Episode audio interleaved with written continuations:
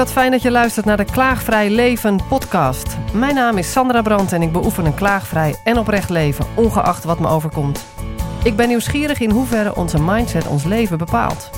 Volg mijn zoektocht naar de antwoorden en ontmoet bijzondere gasten met een inspirerend verhaal in deze serie podcasts.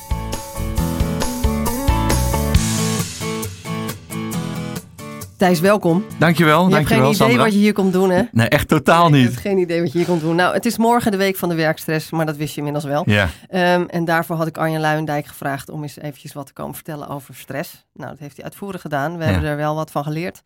En uiteindelijk gaat het altijd weer om het balansje tussen eh, ja, energie eh, geven en ontvangen. Hè? Ja. En daar weet jij wel eh, alles van. En dus je weet wel een beetje waarom je hier bent natuurlijk. Hè? ja als ervaringsdeskundige. Ja, ja, precies, ja, precies. ja. Ja, want ik heb jou eerder gesproken en toen werkte jij, vertelde jij nog bij de Rabobank als eh, manager, geloof ik, hè? Toch? Ja, ja, klopt. En met name eh, vanuit het hoofd, dus erg eh ratiogericht. Ja, En op de een of andere manier is dat toch een beetje gecrashed. Kun je daar iets over vertellen? Overigens mogen we de bank niet meer noemen, geloof ik. Het is geen eh, commerciële radio. hè? oh, oké.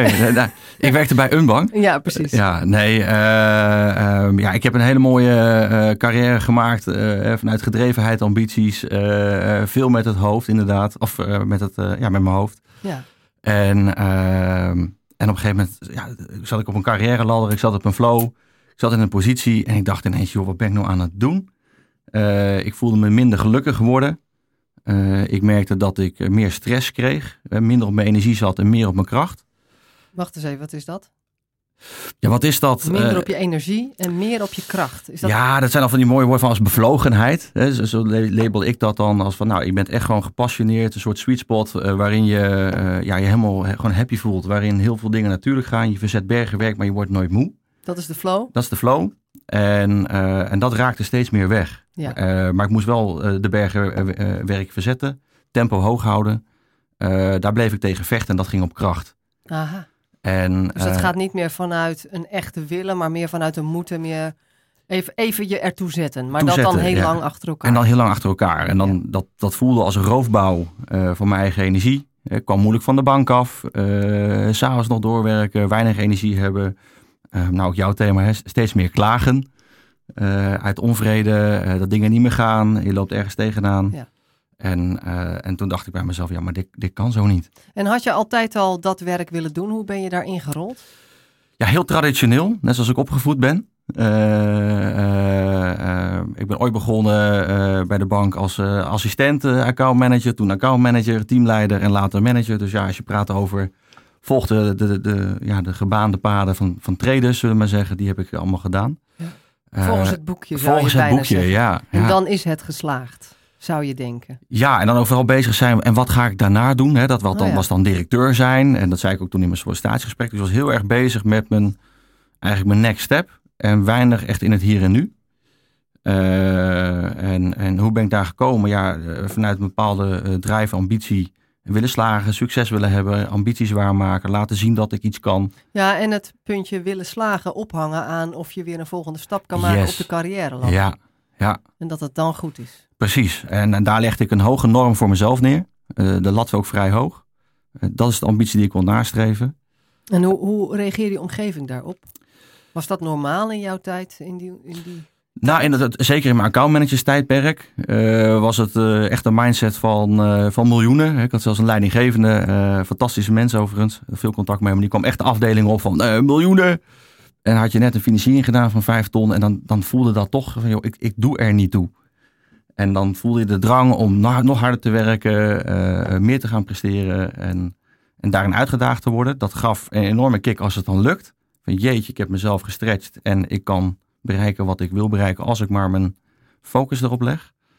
Maar wilde je dat echt bereiken? Dat is dan de vraag. en dat, en dat is de vraag. En, la- en later kreeg ik echt meer het inzicht en het gevoel ook van ja, maar oké, ik, ik heb dat punt bereikt. En was dat dan een Eureka-moment?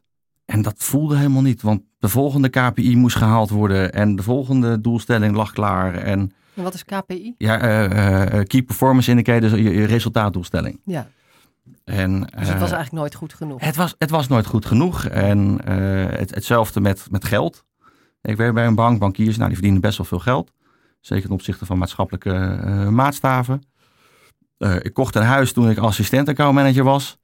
Uh, tussentijd stappen gezet, ook salarissprongen gemaakt. Het geld ging altijd op, dus het maakt niet uit wat je verdient. De waardering in, in uiting van geld voor je prestatie, dat effect, dat ebte ook weg. Je bedoelt, het voelde niet meer zo geweldig? Nee. En ik dacht van ja, maar als ik het niet voor het geld meer doe, of, of hè, dat ik het echt moet gaan, bij mezelf moet gaan zoeken van joh, wat maakt mij nou gelukkig? Ja, dan, dan zijn dat eigenlijk wel andere dingen dan wat ik nu aan het doen ben. Uiteindelijk vroeg je je af, waar doe ik het eigenlijk nog voor? Ja, en dat vroeg mijn vrouw zich ook thuis af. Ja. want uh, zo'n mindset uh, hebben, uh, vooral een fixed mindset, van dat wil ik allemaal bereiken ten koste van heel veel. dat neem je ook mee naar huis, althans dat nam ik mee naar huis. waardoor mijn vrouw ook zei van ja, dat is allemaal leuk en aardig en ik wil je best wel stimuleren in de dingen die je wil doen. Maar niet met deze mindset hier thuis met een gezin van drie kinderen vormgeven. Wauw. Ja. Hoe kwam dat binnen? Kwam dat binnen? Ja, dat was, dat was wel even heavy. In die zin uh, ja, dat ik gewoon voor het eerst ook gewoon thuis een grens hoorde. Ja. tot hier en niet verder. En, en, hoe was het destijds met jou, lichamelijk? Want je zei, je pleegde eigenlijk roofbouw op jezelf. Merk je daar iets van toen? Oh, oh nou, ik, ik kan het verschil vooral uitleggen nu. Ja, ja. ja. je kan het niet zien op de radio, maar ik ben in ieder geval nu 15 kilo lichter geworden. Ik pleegde echt roofbouw van mijn lichaam ook. In de zin van snel de deur uit, niet ontbijten. Ook de tijd niet nemen voor mijn gezin om met te ontbijten. Uh, smiddags een snelle hap. S S'avonds, als je dan het avondeten haalde. Ehm, ja, nog iets naar binnen werken met een tussentijds een snack. Nou, de koolhydraten vlogen eraan. de, de vetten kwamen erbij. En bijna niet meer in beweging te komen. Want ja, ik was gewoon op. Ja. En, uh, en dus het werd een, een, visueuze cirkel? Het werd echt een visueuze cirkel. En dat, dat, dat werd alleen maar erger. En het was eerst van, nou, hè, dan zitten we op de 100 kilo. Nou ja, jeetje, dat is wel, dat is wel heftig. Nooit geweest in mijn leven. Nou, ik, nou, op een gegeven moment was het 103. Nou ja, dan, oké, je verlegt elke keer die norm.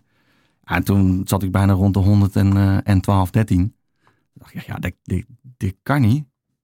Dit kan echt niet. Nee. Wat was je echte wake-up call? Ehm, ja, in mijn werk heb ik die iets eerder gehad ook.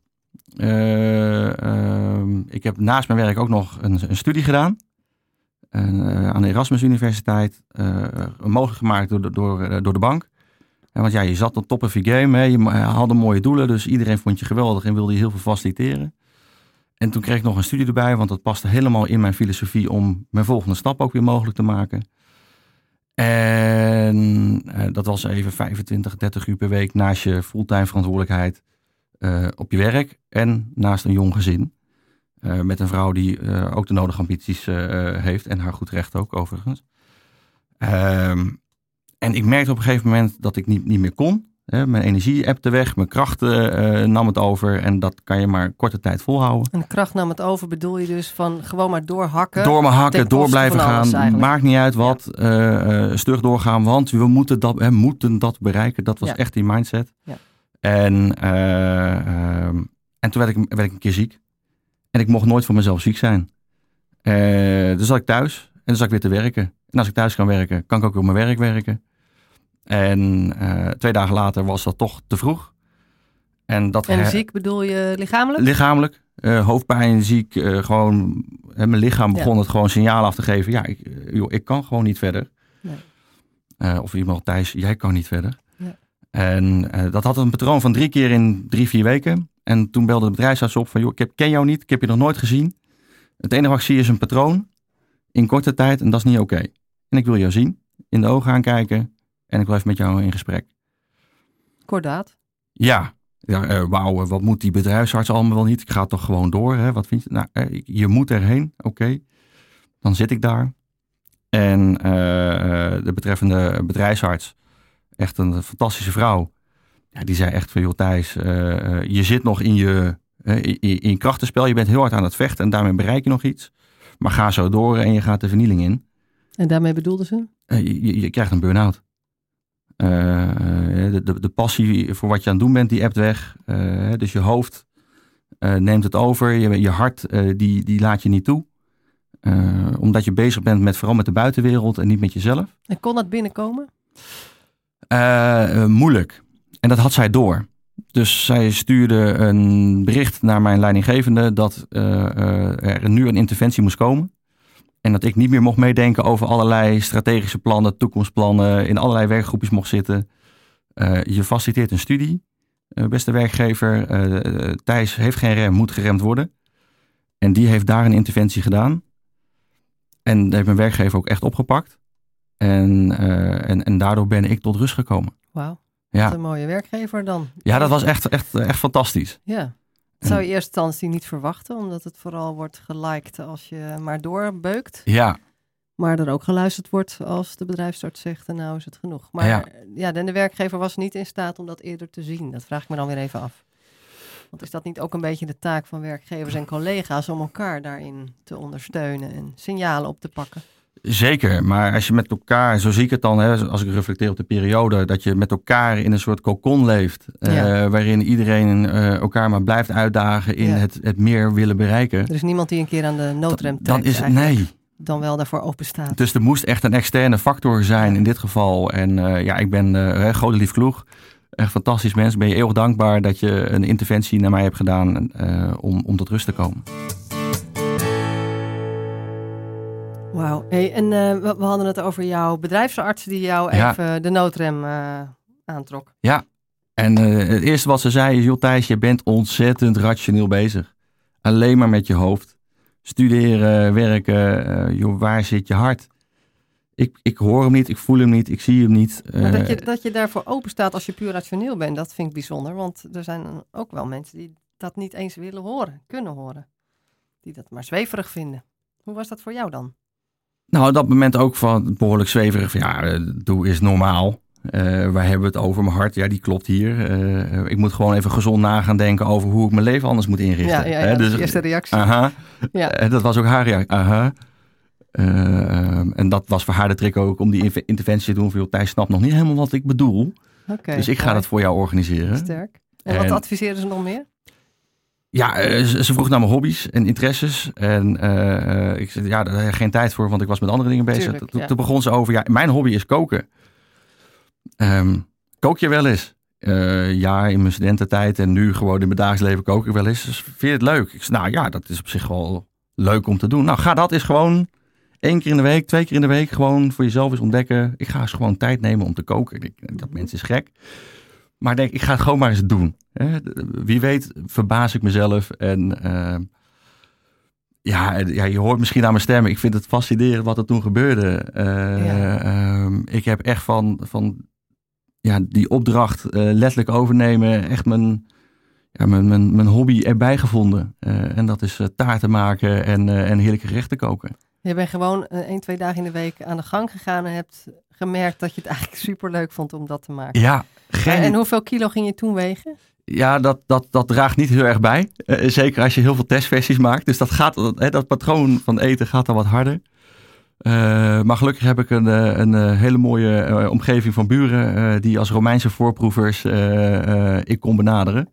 Van jongens, kom langs, kom proeven, neem mee, nieuwe taart. En ik kreeg, ik bak en ik kreeg gewoon weer commentaar op. En dan bleef ik weer sleutelen en verfijnen. En... Dus je kreeg daar helemaal lol in? Ik kreeg er echt lol Wat in. Wat gebeurde er voor jou in je gevoel? Tenminste, je had eerst bijna geen gevoel. Geen maar gevoel, ja. Wat, wat, wat was de switch? Wat voelde je? Wat veranderde?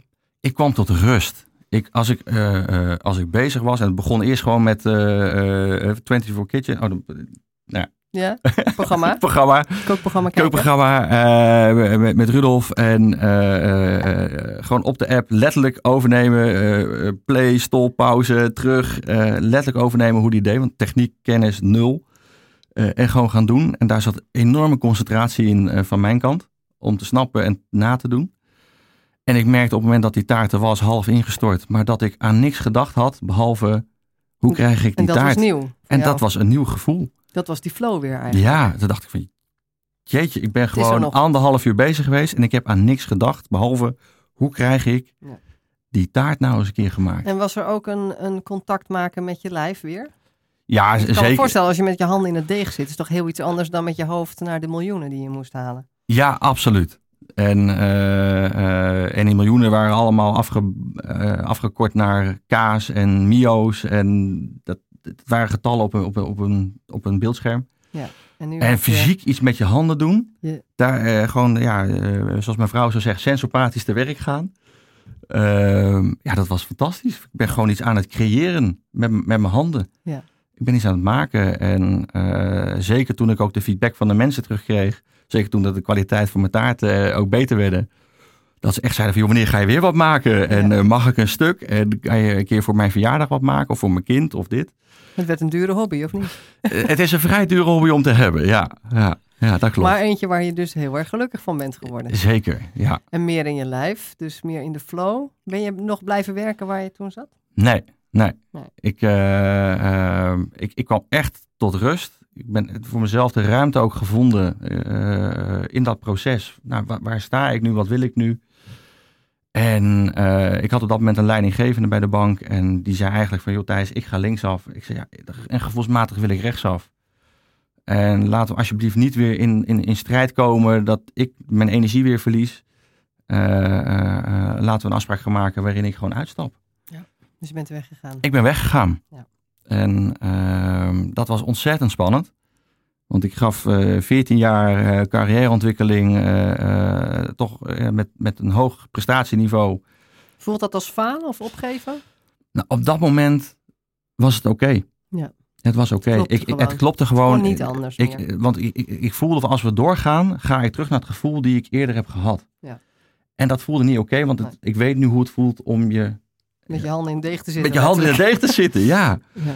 En toen dacht ik van ja, eh, maar als ik, als ik me niet gelukkig voel, en zeker in de positie als leidinggevende, ja, wie ben ik dan om leiding te geven aan anderen? Ja. Eh, mensen verdienen beter. Eh leiding geven aan anderen is ook leiding geven aan jezelf. Begint daarbij. Daar, daar begint het mee. En ehm, ja, toen heb ik gewoon een stap gezet, joh, ik, moet, ik moet weg. Ja. En dan ben ik echt cold turkey binnen twee weken eh, uitgestapt. En eh, ja, echt tijd voor mezelf genomen. Ze moeten je ook wel heel erg missen met je taarten dan daar. Jazeker, maar ik heb een nieuwe werkgever gevonden eh, waar ze vooral blijven roepen om weer die taarten. Dus, dus maakt niet uit wat waar ik ik ergens kom. ook wel jammer vind, is dat de nieuwe mindset waarmee je nu je leven leidt en die veel gezonder is in contact met je hart en je passie en plezier, Ja, dat dat niet is kunnen blijven op een, in een setting waar dat zo nodig is, zou je denken. Ook voor de mensen die daar zijn, want dat blijft dan in stand. Eh, hoe, hoe bedoel je dat? eh, nou, de cultuur waar je uitkomt, Ja. die blijft dan, zou je bijna denken. Of is dat wel iets veranderd door jouw geschiedenis daar? Ik denk zeker bij mijn laatste opdracht eh, met het team dat ik heb mogen, eh, leiding heb mogen geven, dat daar een, een nou, behoorlijke bevlogenheid in zat. Dat werd dan ook allemaal netjes weer gemeten. Maar ik merkte gewoon als ik in de mensen de ogen aankeek, dat daar een vonkel zat. Mensen echt gepassioneerd bezig waren, in hun energie zaten. Eh, ehm, en toen ik ook wegging, eh, dacht ik, het is ook goed zo. Ja. Ik, mensen staan op een bepaald punt, die gaan binnen nu en, en x termijn toch hun stap weer maken, want daar hebben we het elke keer met elkaar over. Daar Maar kan je niks aan veranderen. En daar kan ik niks aan Dat is de veranderen. cultuur daar. Ja. Het, het is daar en het enige wat ik kan doen is de wereld vrij klein houden, A, bij mezelf. Mhm, Eh, daar eerst mijn eigen energie en mijn krachtenveld vinden. Mooi. En vanuit daar kijken hoe ik de verbinding naar mijn omgeving kan maken. En was je destijds al in die mood waar je net over vertelde bij de bank of niet? Eh, in, in, in de moed. eh, Van de ratio en op wilskracht doen terwijl je je hartscontact kwijt was? Of was dat toen nog niet? Hoe was dat toen? Nee, dat was toen bij de bank. Zeker in de, de eerste beginjaren. Hè, je bent wat jonger en Ja. je weet nog niet zoveel. Eh, niet dat ik nu opeens heel veel weet, maar toen nog minder. Eh, eh, ehm, daar ben ik gewoon gegaan. En dat was op dat moment ook oké. daar zat je in, dat Ja. gebeurde je. En Ja. daar, daar, het was ook niet slecht. Maar Nee, ik dat- vraag me af in welke hoedanigheid je toen in het huwelijk eh, stond. Dus ook oh, je, zo. Sorry. Weet je hoe je het toen voelde? Ehm, dat was wel... eh, eh, was dat al in die prestatie? Ja, dat was zeker nog in die tijd.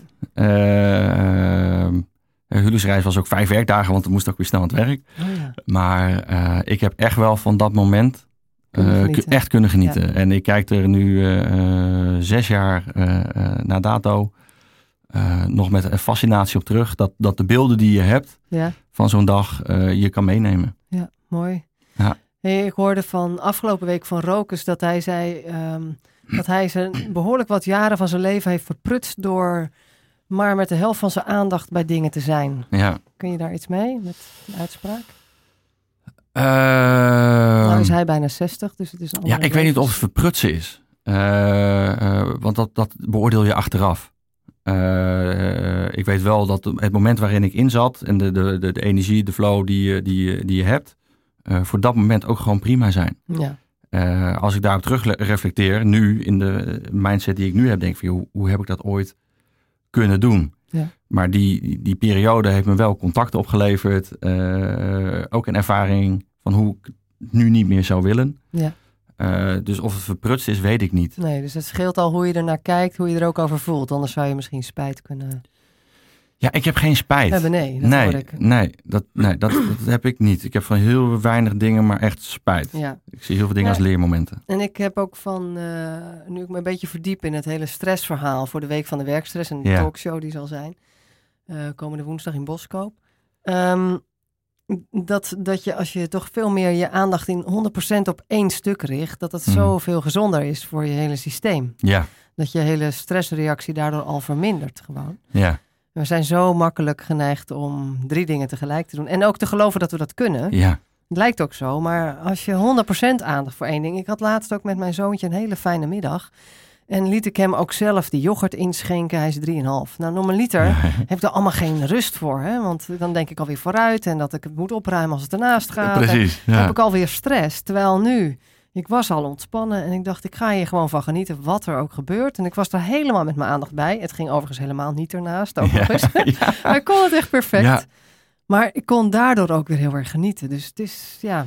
Soms is het omdat je druk bent, doe je alles tegelijk. Maar soms is het ook omdat je druk bent, is het goed om eens te kiezen om niet alles tegelijk te doen. Hm. En om daar naartoe te stappen, dat is lastig. Dat is, dat is echt lastig. Want het, is eigenlijk, het- voelt bijna als een soort red race waar je in Ja, zit. Eh, zeker ook met alle mobiele telefoons. En ik zeg je ook eerder, het is voor mij ook lastig om dat ding soms nog weg te leggen terwijl mijn gezin gewoon aan tafel zit. Ja, Eh, dus de scherpte alom eh, als het gaat over echt contact maken met mensen en met je kinderen en met, nou, met je omgeving. Eh, maar ik heb een, eh, een van mijn oud-leidinggevenden eh, is een van mijn personal coaches. En die zegt ook van, joh Thijs, hoe drukker je bent, hoe meer rust je moet gaan pakken.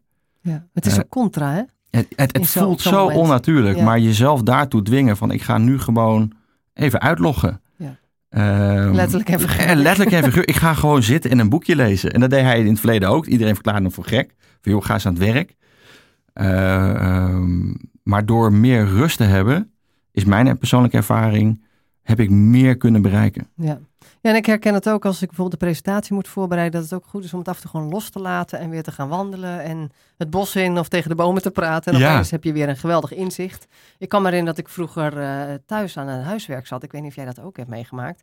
Dat als je dan hoorde dat vader of moeder boven kwam, dat je dan meteen weer naar je huiswerk ging Ja. kijken, terwijl je daarvoor de wolken zat te bestuderen. Een soort. Pavlov-reactie. eh, Ja, dat ja. je direct, want als je maar naar je boeken kijkt, dan ben je goed bezig. Terwijl het ook zo goed is om met regelmaat eraf te zijn. Ja. Ja, dat, dat, dat, dat, dat klopt helemaal. Ja. Maar dat is wel heel moeilijk. Hè. Dat moet je jezelf.